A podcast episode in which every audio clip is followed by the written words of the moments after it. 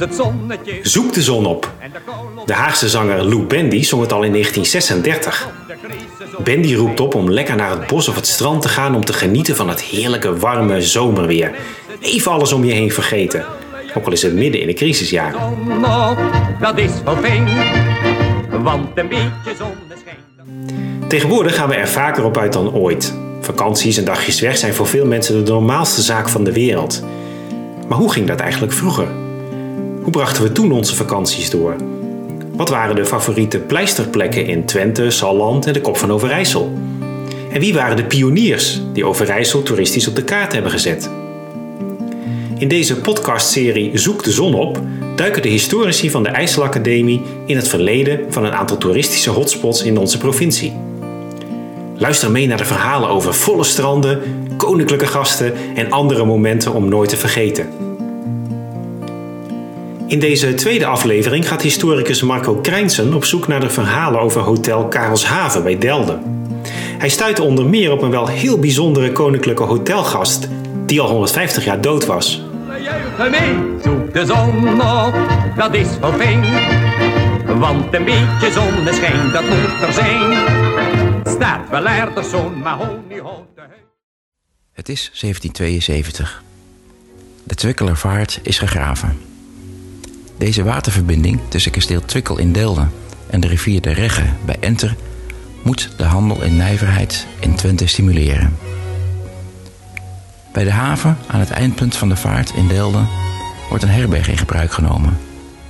Hij is vernoemd naar de opdrachtgever, graaf Karel George van Wassenaar op Dam, van het tegenovergelegen kasteel Twikkel. Dit is het begin van Karelshaven. In de eerste jaren is Karelshaven niet meer dan een gelagkamer met tapkast. Schippers onderhandelen hier over de prijs van ladingen textiel en hout die over de Twikkelervaart worden vervoerd. Van de winst drinken ze bier, brandewijn of jenever. In 1837 neemt Willem Arnoldus Cluvers het roer over. Zijn komst luidt een nieuw tijdperk in, want Karelshaven wordt nu ook een hotel. Cluvers bouwt naast gastenkamers ook een grote schuur voor paarden en koetsen. Hij richt zich dus niet meer alleen op de schippers, maar ook op de kooplieden die reizen tussen het westen van Nederland en de Duitse Hansesteden. Mei 1842. Willem Arnoldus Kluvers en zijn vrouw Warmelta. Zij waren de eerste generatie die de herberg aan de haven pachtte. En zij hadden een stalhouderij. Willem was benoemd tot postmeester. In de nacht van 23 op 24 mei deden beiden geen oog dicht in hun bedstee. Want er moest voor zijn majesteit de koningin en hoogst des zelfs gevolg gereed staan. Zes paarden voor het eerste rijtuig, vier paarden voor het tweede rijtuig, twee paarden voor het derde rijtuig, dertien paarden met opdracht tot uitstekende verzorging. Behalve de paarden zou er flink wat jenever ingekocht zijn voor de koetsiers. En wie zat er in die koets? Dat blijft de vraag. Was het Willem I, de held van Waterloo, en zijn Russische gemalin? In ieder geval staan ze niet vermeld in het nachtregister. Vermoedelijk waren de bedden op kasteel Twikkel comfortabeler dan de bedstee in de schippersherberg. Maar het Huis van Oranje als klant, dat is geen gek begin voor een eenvoudige waard. Een oranje klant houdt je te vriend. We horen Marijke Kluvers, geboren in 1938. Zij is de achter-achterkleindochter van Willem Kluvers. Opgegroeid tussen de hotelgasten bewaart Marijke warme herinneringen aan Karelshaven. Herinneringen die ze op papier heeft gezet, net als de talloze verhalen die nog altijd binnen de familie de ronde doen. Vertelstof genoeg, want de familie Kluvers is zes generaties lang verbonden geweest aan Karelshaven. In 1862 was er een bijzondere ontmoeting tussen een lid van het Huis van Oranje, koning Willem III, en Berend Kluvers, de broer van de kastelein. Berend was de paardbaas van Twikkel. De koning bracht een bezoek aan Twente en Delden en zou een eik planten in het kasteelpark van, gast, van zijn gastheer, baron van Hekera, aan de Twikkelerlaan. Berend had alles in het werk gesteld om een koninklijk plantgat te laten graven door zijn tuinlieden en gezorgd dat er flink wat mest naast lag. De koning, die niet veel zin leek te hebben in die officiële taak en al helemaal niet om in een hoop mest te scheppen, bulderde naar Kluvers: Zeg, baas, moet die koeienstront er ook bij? Kluvers, geschrokken van de toon van de koning, verschoot van kleur en stamelde: Koeienstront, hoogheid? Ja, ja, alstublieft. En hij boog als een knipmes. Als een flits schoot er door me heen. De koning mest laten scheppen. Hoe stom kun je zijn? Misschien stuurde hem de bron nu wel de laan uit. Met een rode kop riep hij nederig: Neemt u me niet kwalijk, hoogheid. Natuurlijk is het niet uw taak, maar de mijne. Misschien was hij ook wel bang een schep stront in zijn gezicht te krijgen. Ook bekende dichters en schrijvers uit de 19e eeuw weten Karelshaven te vinden. Jan-Pieter Heijen bijvoorbeeld, die honderden volksliedjes op zijn naam heeft staan, zoals Zie de maan schijnt door de bomen. Hij laat in het hotel een bundel met kinderliedjes achter, met een speciale opdracht aan de kinderen van de hotelbaas. In 1879 is François Haversmit te gast, beter bekend als de dichter Piet Paaltjes. Hij maakt vanuit Karlshaven graag wandelingen in de omgeving. En bij een van die uitstapjes kerft hij zijn naam in een beuk, naast de initialen JK van zijn gastheer Jacob Kluvers. De boom staat er nog altijd. Marijke Kluvers maakte zelf schrijfster Maria Dermout mee, die tijdens de oorlog langere tijd logeerde in Karelshaven. Mevrouw Dermout logeerde in de oorlog uh, in Karelshaven. En uh, zij was een, eh, een, een, een, bijzondere gast. Want uh, ik, ik mocht zelfs naar mevrouw Dermout toe op haar slaapkamer. En uh, over het algemeen mocht ik niet met de gasten in, uh, in spreken. En, en werden wij altijd ver van de gasten gehouden. Maar met mevrouw Dermout was een uitzondering. Toen ik op haar kamer kwam, wist ik niet wat ik haar zag. Want een slaapkamer in, in Karlshaven, die waren altijd heel keurig. Twee bedden, twee grote eikenhouten bedden. Twee rechte stoelen. Gepoetst zeil op de grond en een eikenhouten kledingkast. En twee wastafels. Maar bij mevrouw Dermout was het heel anders. Mevrouw Dermout had een heel gezellige kamer. Er stond een grote tafel waar ze aan kon schrijven. Er stonden gezellige stoelen waar je kon zitten. En ze was zelf heel gezellig, want ze kon verhalen vertellen aan de kinderen. Zo deed ze dat ook aan mij. Maar mevrouw Dermout deed nog meer.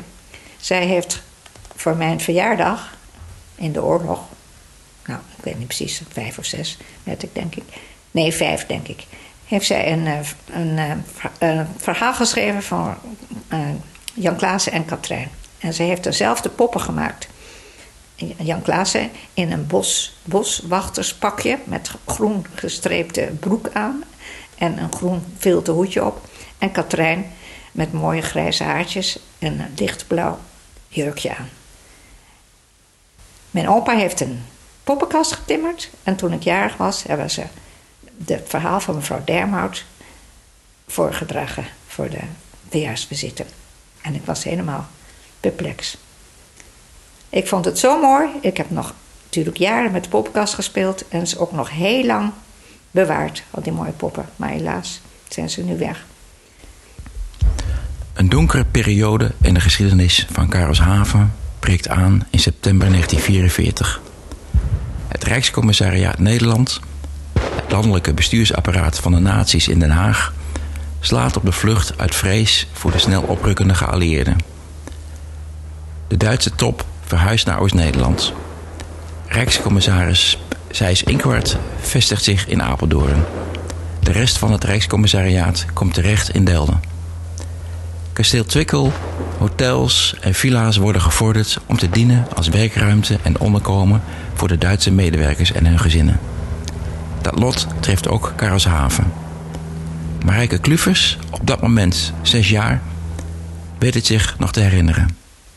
Ja, ik was een kind, dus ik herinner me niet zoveel natuurlijk wat dat allemaal betekend heeft voor, voor mijn ouders. Uh, het, het, was wel zo, de gasten waren weg en uh, het was opeens een vol huis met uh, overal uh, vrouwen en kinderen, families.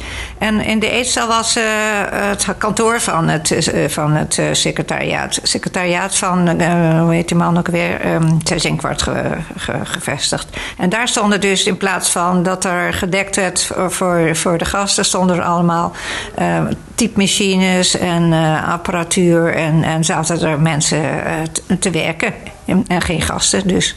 Die zaten dus de, dus de administratie te doen en weet ik wat allemaal, een formulier te maken voor alle uh, persoonsbewijzen. En, en, en uh, als mensen iets, in, mochten naar Van Hengelo moesten, dan moesten ze eerst een bewijs hebben dat ze daar naartoe mochten van de, van de, van de Duitsers.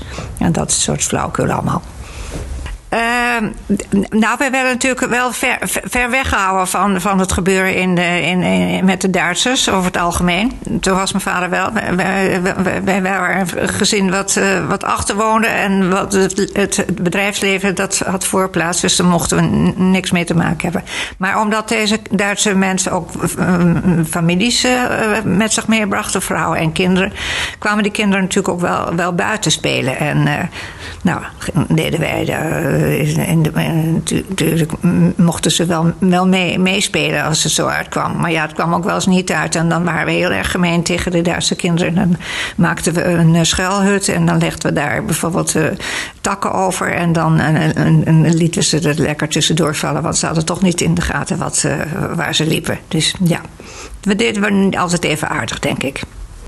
Als in maart 1945 de geallieerden Delden lijken te bereiken, maken de Duitsers zich uit de voeten. Hun aftocht wordt bemoeilijkt door een luchtaanval van de Engelsen, die het oude koetshuis van Karlshaven treft. Niet alleen de hier gestalde Duitse legervoertuigen worden verwoest, ook de heimelijk verstopte wijnvoorraad en antiekverzameling van hotelbaas Jacob Kluvers gaat in rook op. Na de oorlog herrijst Karelshaven uit zijn as. Het hotel met restaurant blijft een geliefde plek voor hoge gasten. De koninklijke familie komt weer regelmatig langs. In 1950 brengt prins Bernhard een bezoek. Marijke Kluvers, op dat moment een meisje van 12 jaar, wil er geen seconde van missen. 1950. Prins Bernhard heeft de lunch gebruikt in Karlshaven. Een bijzondere gebeurtenis. Een koninklijke gast. Ik veronderstel dat de prins een werkbezoek heeft gebracht bij één of meerdere fabrieken in Hengelo. Bij de HEMAF of het Hollandse Signaal. Ik, toen 12 jaar, wilde natuurlijk een glimp opvangen. Maar pottenkijkers werden geweerd door mijn vader. Dichtbij komen en gluren naar de gasten, dat was een doodzonde. Maar een koninklijke gast, dat wilde ik op die leeftijd niet missen. Mijn broer en ik maakten stiekem kijkgaatjes op het geverfde glas van de zijdeur. Van daaruit keek je in de hal en kon je de gasten zien aankomen. Veel zag je overigens niet, maar je wist toch deel uit te maken van die spanning en hoogtepunten op zo'n dag. Kennelijk was ik onvoldoende aan mijn trekken gekomen en rende nog snel de tuin in waar ik de auto zag vertrekken. Twaalf jaar, ik moest de prins gezien hebben. Een fotootje uit het Hengeloos Dagblad, waarop mijn vader bij het afscheid een diepe buiging maakt, heb ik jaren zorgvuldig bewaard. Trots op mijn vader. Avontuur voor ons kinderen. Een koninklijke gast van de buitencategorie doet Karelshaven aan in 1958. 1958. Stadhouder Willem V bezocht Delden. Nu waren het niet de paarden of de koetsen die gepoetst moesten worden, nog het bezoek van een koning die zijn officiële taken weinig serieus nam. Zelfs hoefde de waard geen maaltijd of een bed in gereedheid te brengen. Voor deze logeerpartij voldeed de garage. De gast was een koninklijk lijk, namelijk het gebalsemde lijk van stadhouder Willem V, prins van Oranje-Nassau, geboren in 1748 en in 1806 overleden in ballingschap in het Duitse Brunswijk. De lijkstoet van deze verjaagde of gevluchte prins was op weg naar de Nieuwe Kerk in Delft, waar het stoffelijk overschot op 28 april 1958 na 150 jaar bijgezet zou worden in de grafkelders van de Oranjes, in aanwezigheid van Juliana en prins Bernhard. Prinses Wilhelmina weigerde aanwezig te zijn bij de bijzetting. Naar verluid zou ze hebben gezegd niet achter de bar van een suffert te willen lopen. In Twente was het in ieder geval een gebeurtenis te veel opzienbaarde. En 25 jaar later wordt mijn vader hierover geïnterviewd in de regionale krant. Hij vertelt, trots als een pauw, dat de stoet met de nodige protocol werd ontvangen bij de Nederlandse grens in Oldenzaal. Het verkeer werd stilgelegd en er ontstond uren op onthoud. Begeleid door acht motoragenten, de nodige autoriteiten en een stoet journalisten ging het langzaam op weg naar Delden. Langs de route stond veel publiek. Bij Karlshaven werd met een korte officiële plechtigheid het commando, dat onder leiding stond van jonkheer W. Roel, generaal buitendienst, overgedragen aan de marechaussee. Het koninklijk in de kist overdekt met de Nederlandse vlag en witte bloemen overnachtte in de garage. De, office, de officials genoten van een copieus diner. Geen moment liet ze zich ontnemen om te proosten op de goede overtocht en vleiden zich te bedden in het hotel. Zo blijkt uit het overnachtingsregister. Om te voorkomen dat de pers al te opdringerig werd, hielden twee marechaussees s'nachts de wacht bij de garage. Opgroeien in een chic hotel, het geeft de jeugd van Marijke Kluvers in de jaren 40 en 50 extra kleur. Er is altijd een kok aanwezig die voor de familie kookt. Bijzondere gasten komen op haar pad. En op zolder beleeft ze als kind talloze spannende avonturen. Ehm, de, de kok, een kok natuurlijk, want het was een groot fornuis. Dus ga je niet maar in een apart potje koken voor, voor, voor een gezin van vijf mensen. Nee, wij aten gewoon met de, met de pot mee. Alleen als er bijzonders was, bijvoorbeeld een verjaardag of, of eh, dan werd er uh, iets, ja, dan werd er misschien lekker hoteleten gemaakt. Maar normaal aten we gewoon met de pot mee, net als het personeel. Die aten ook tussen de middag warm en wij ook.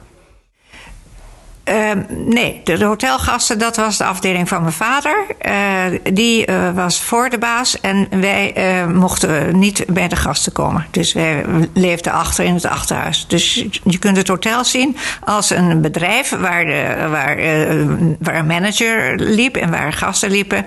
En het werk en het gezin vond, was, kwam achter, de, achter de, de, de, de, de deur, zou ik maar zeggen. Bleef achter de deur. Uh, het hotel was, uh, nou, naar mijn begrippen best groot. Uh, het was natuurlijk twaalf gastenkamers. En um, uh, de gastenkamers hadden toen in die tijd nog niet een, uh, na de oorlog tenminste nog geen badkamer. Dus er was één badkamer. Dus dan moest je dan uh, gaan reserveren als je een bad wilde. maar op de kamers die waren wel goed uitgerust. Ze hadden allemaal goed, goede wastafels, dubbele wastafels. Dus, en en, en lagen aan een balkon. Dus de mensen konden ook nog lekker een beetje s morgens de deuren openzetten. Um, ja, dat, dat, was, dat was boven. En dan daarboven, boven de gastenkamers, was een hele grote zolder. En dat was ook een hele bijzondere plek. Waar, ja, waar, wij als kinderen eindeloos gespeeld hebben. En ook met gastenkinderen daar verstoppertje deden. Oh, er waren zoveel spannende attributen. Daar kwamen alle vergeten uh, voorwerpen van uh, generaties lagen daar. Daar lag bijvoorbeeld een opge, opgezette krokodil. Uh, dat was natuurlijk ook heel bijzonder. En er lagen kleren met rare hoedjes en, en gekke schoenen. En, en, daar had mijn moeder gewoon een soort kist van gemaakt. Dus daar konden dan ons in verkleden. Verder stond er allemaal al, ik weet niet hoeveel kasten met oude oude serviesgoed of weet ik wat voor, voor troep ze allemaal bewaarden. De zolder was ook net een hotel, want er waren ook allemaal kleine kamertjes. En die werden dan weer gebruikt voor personeel wat intern was of wat dan moest blijven slapen als ze later dienst hadden. In 2014 neemt de laatste Kluvers afscheid van Karlshaven. Opvolgers en de familie zijn er niet. En dus gaat het hotel na zes generaties over in andere handen.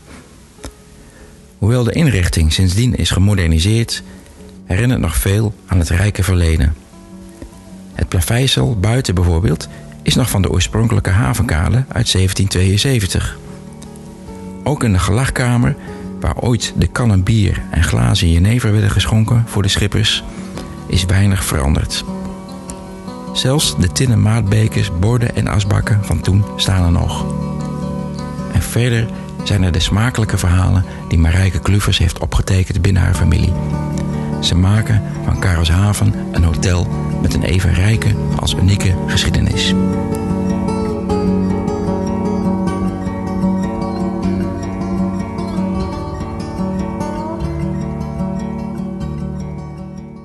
Zoek de zon op, dat is wel fijn.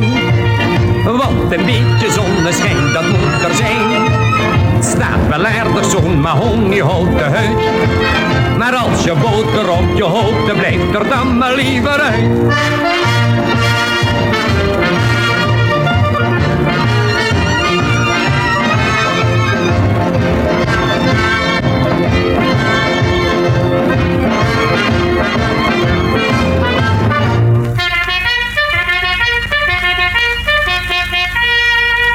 Zoek de zon op. Ja, zoek de zon op.